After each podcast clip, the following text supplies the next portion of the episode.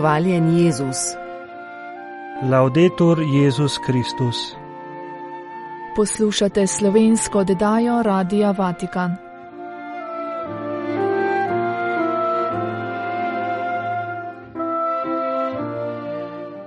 Župnijski cerkvi svete Marije Magdalene v Sodražici je v petek 23. februarja ob smrtnem dnevu Magdalene Gornik potekal romarski shod. Prisluhnili bomo govoru postulatorja Francija Petriča.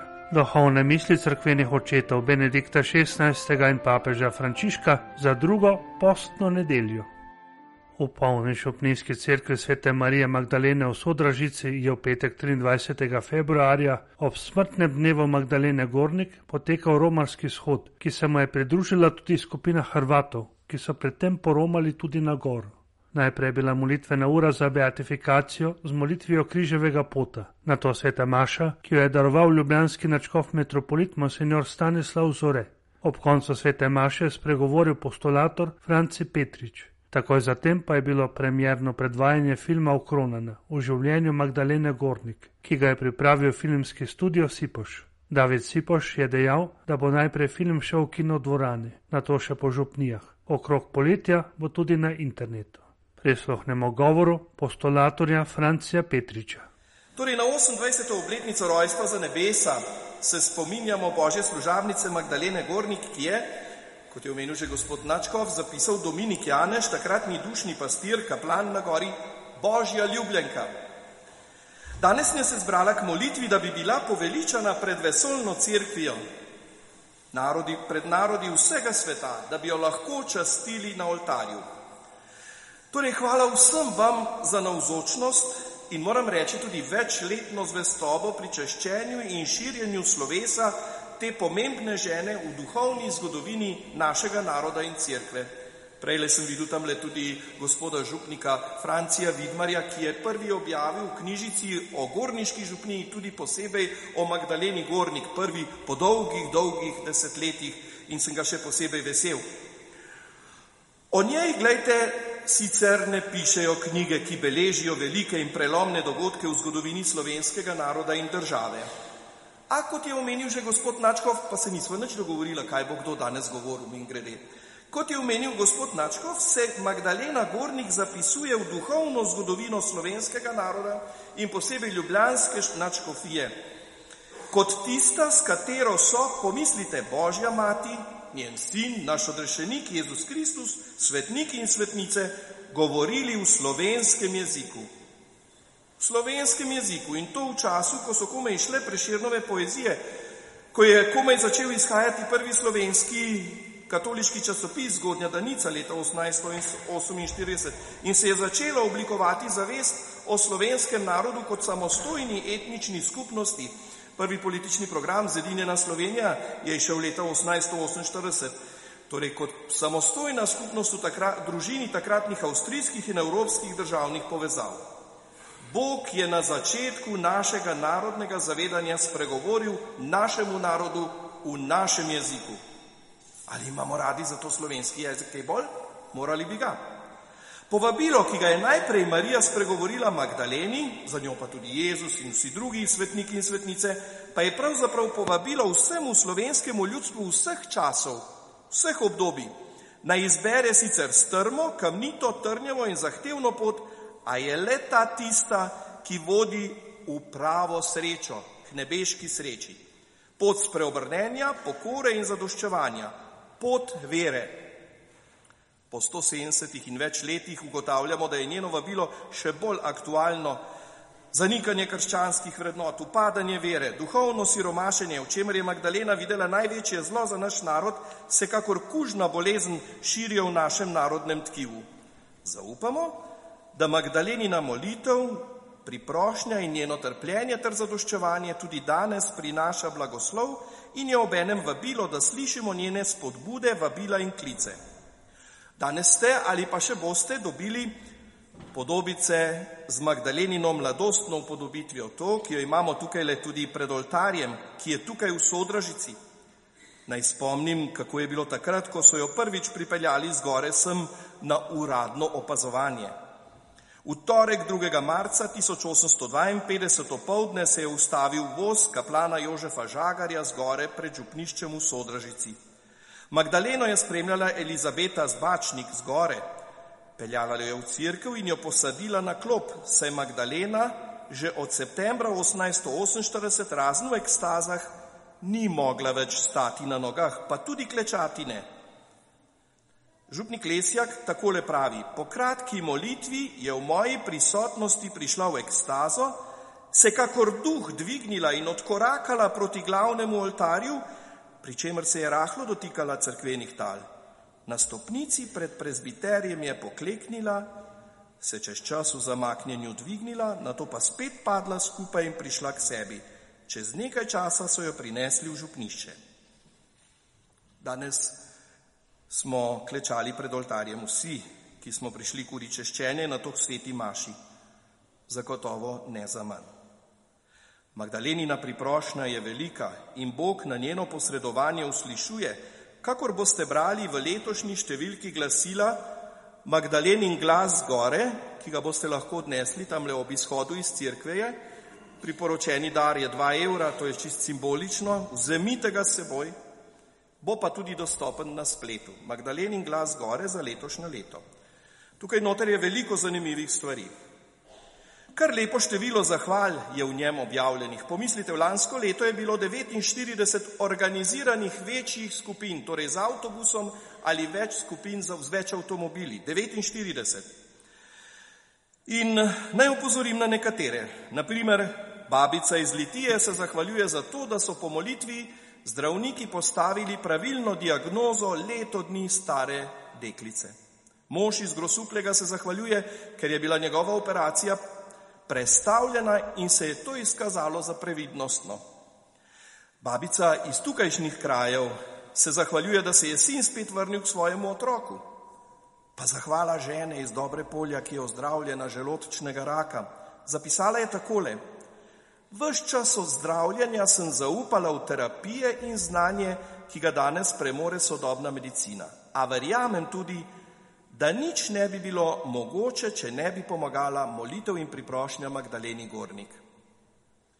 Pred tednom dni sem srečal na škofiji ljubljanskega univerzitetnega profesorja, ki mi je pred mesecem dni poslal zahvalo, ker je bil rešen bolečin zaradi artroze v sklepih, ker se je, ko se je priporočil Magdaleni Gornik. In še bi lahko naštevali, vse to boste lahko brali v tem le glasilu.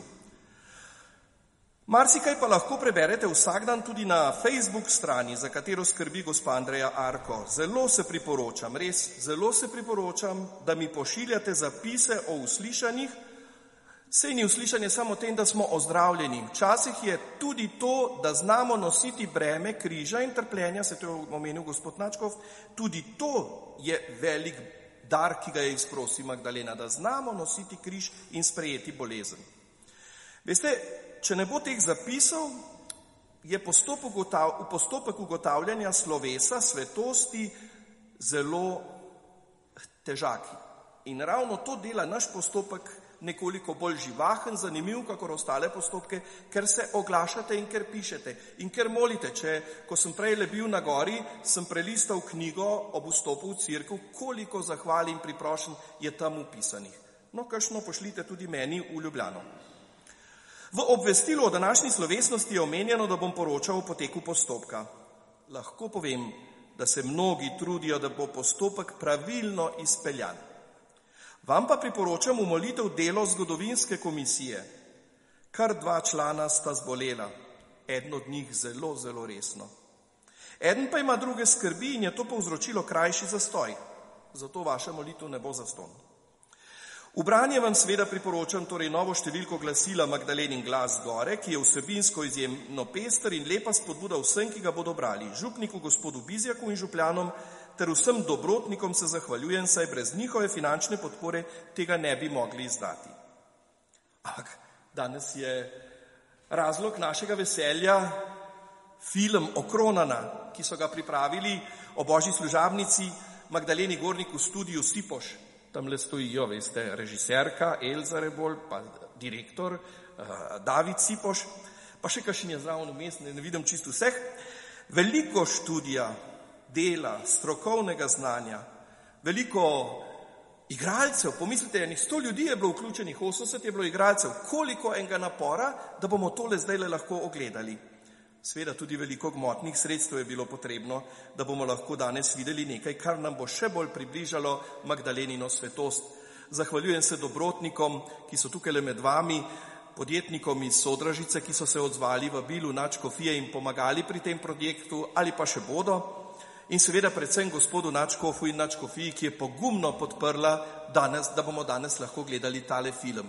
Kasneje, tako nam obljubljajo, bomo film lahko seveda gledali tudi na spletu. In gledajte, tako bomo tudi lažje molili za Magdalenino poveličanje. In zdaj le vas, preden gremo na film, povabim, da zmolimo še to molitev. Vse imate na klopeh, če ne pa si pomagajmo na pamet. Vsemogočni Bog, Oče luči, od tebe prihaja vsak dober dar. Svojo služabnico Magdaleno Gornik si obdaril s čudovitimi darovi mističnih milosti in bogoljubnega življenja. Usliši naše molitve in poveličajo, da bo pred vesolno cerkvijo prišteta k zveličanim po Kristusu, našem Gospodu. Amen.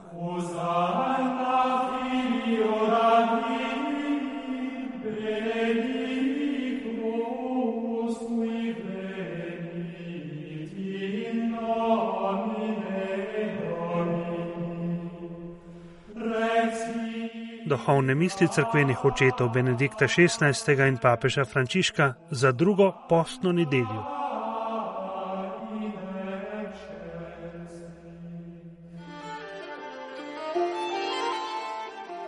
Prvo berilo je iz prve Mojzesove knjige, 22. poglavje od 1. do 2., 9. od 10. do 13. ter od 13. do 18. vrstice. Po teh dogodkih je Bog skušal Abrahama. Rekel mu je: Abraham, on pa je rekel: Tukaj sem. Rekel je: Vzemi svojega sina, svojega edinca, ki ga ljubiš, Izaka, pojdi v pokrajino Morija in ga tam daruj užgalno daritev na ene od gora, za katero ti bom povedal. Ko sta prišla na kraj, za katerega mu je Bog povedal, je Abraham tam postavil oltar in naložil drva. Potem je zvezal svojega sina Izaka in ga položil na oltar zgoraj na drva. Potem je Abraham iztegnil svojo roko in vzel nož, da bi svojega sina zaklal. Tedaj mu je zaklical gospodu angel iz nebes in rekel: Abraham, Abraham, rekel je: Tukaj sem. In rekel je: Ne izteguj svoje roke nad dečka in nič mu ne stori, kajti zdaj vem, da se bojiš Boga, saj mi nisi odrekel svojega sina, svojega edinca.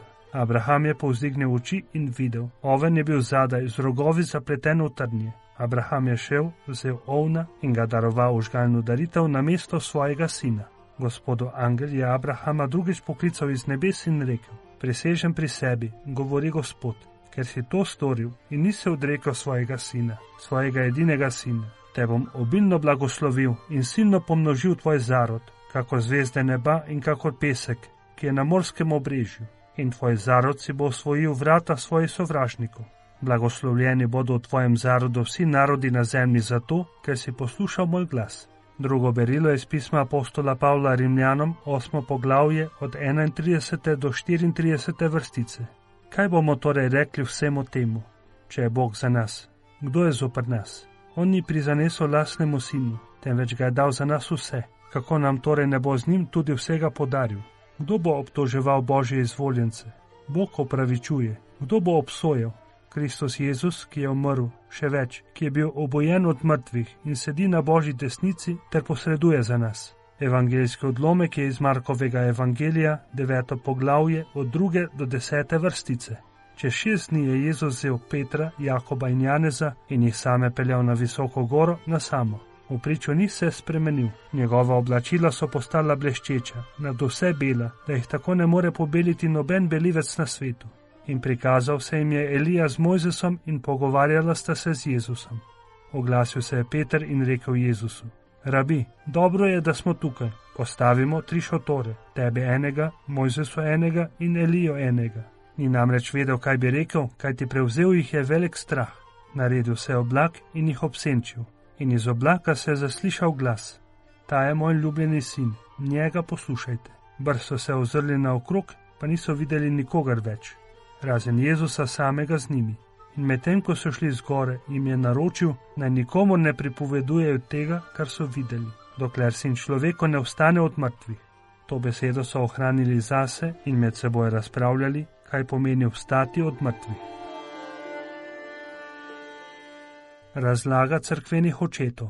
Sveti Beda častitljivi pravi: Spremenjenje simbolično kaže na to, kar je onkraj praga človeškega in vodi vse do dokončnega vstajenja, ko bodo oblačila vernikov, očiščena v nebesih, postala bela kakor sneg. Efrem Sirski nadaljuje: Božanska slava se v tej spremenitvi očitno prilagodi sposobnosti učencev, sprejeti jo. Cerkveni očetje svojo razlago besedila povezujejo svetlobo, ki očiščuje.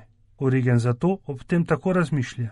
Jezusov sijaj se ni razodel samo kot zemeljska svetloba, temveč kot luč pravičnosti za otroke luči. Tudi sveti Janez Krizostom se navezuje na svetlobo. Sijaj sonca ter svež, neomadeževan sneg sta zelo približna primerjava zveličareve slave in njegove čistosti. Sveti Ambrož pa o Jezusovi identiteti pravi, da se kot ljubljeni sin razodene v srednjih trenutkih evangelske pripovedi, ki v tem dogodku pridejo do izpolnitve. Sveti Janez Krizostom in sveti Janez Damaščan pa pravita, da ti trije Jezusovi ljubljeni učenci na vzoče med spremenjenjem prečujejo ljudem o tej gospodovi slavi. Sveti Hieronim ter Origen pa o treh šotorih pravita, Mojzes in Elija sta bila namreč gospodova služabnika, medtem ko se iz treh šotorov napačno sklepa in razlaga enakost med Mojzesom, Elijo in Kristusom. Pseudo Dionizija Aeropagit pa pravi: Sveto kontemplacijo, torej z renjem, lahko pridemo do združitve s premenjenim gospodom. Urigen k temu dodaja: Jezusovo božanstvo zrejo tisti, ki so nad svetom, s tem se pripravljajo na sprejem duhovnega spoznanja. Misli Benedikta XVI. Današnja druga postna nedelja je znana kot nedelja Kristusovega spremenjenja, saj nam bogoslužje na poti postnega časa, potem ko nas je povabilo hoditi za Jezusom v puščavo, da bi se skupaj z njim soočili s košnjavami in jih premagali, predlaga povspeti se z njim na goro molitve, da bi na njegovem človeškem obličju zrli veličastno božjo svetlobo. Skrivnosti spremenjenja pa ne smemo ločiti od Jezusove poti, po kateri je hodil On se namreč odločno namenil hoditi v smeri izpolnitve svojega poslanstva, čeprav je dobro vedel, da bo do vstajanja moral iti preko trpljenja in smrti na križu. O tem je učencem odkrito govoril, vendar pa ga niso razumeli, še več, zavrgli so takšen pogled, saj niso mislili po božje, temveč po človeško. Zaradi tega je Jezus vzel seboj na goro tri izmed njih ter jim razodel božansko slavo, veličastvo resnice in ljubezni. Jezus je namreč hotel, da bi ta luč razsvetljevala njihova srca v neprehodni temini njegovega trpljenja in smrti, ko bo za njih pohujšanje križa neznosno. Bog je luč in Jezus želi podariti svojim najožjim prijateljem izkušnjo te luči, ki v njem prebiva. Tako bo on po tem dogodku v njih notranja luč, ki jih bo sposobna varovati pred napadi teme. Tudi v najtemnejši noči je Jezus svetilka, ki nikoli ne ugasne. Sveti Augustin je povzel to skrivnost s čudovitim izrazom: To, kar je sonce za telesne oči, da vidimo, je za oči srca Kristus. Misli papeža Frančiška. Prejšnjo nedeljo nam je bogoslužje predstavilo Jezusa, ki ga je v poščavi Satan skušal, a je skošnjave premagal. V luči tega evangelija smo se ponovno zavedali, da smo kot grešniki pogojeni, a tudi zmage nad zlom, podarjene tistim, ki se podajajo na pot spreobrnenja in ki kot Jezus hoče izpolnjevati očetovo voljo. Na to drugo posno nedeljo pa nam crkva pokaže cilj te poti spreobrnenja, to je udeležbo pri Kristusovi slavi. Si oči na obličju Božjega služabnika, ki je za nas umrl in ustal.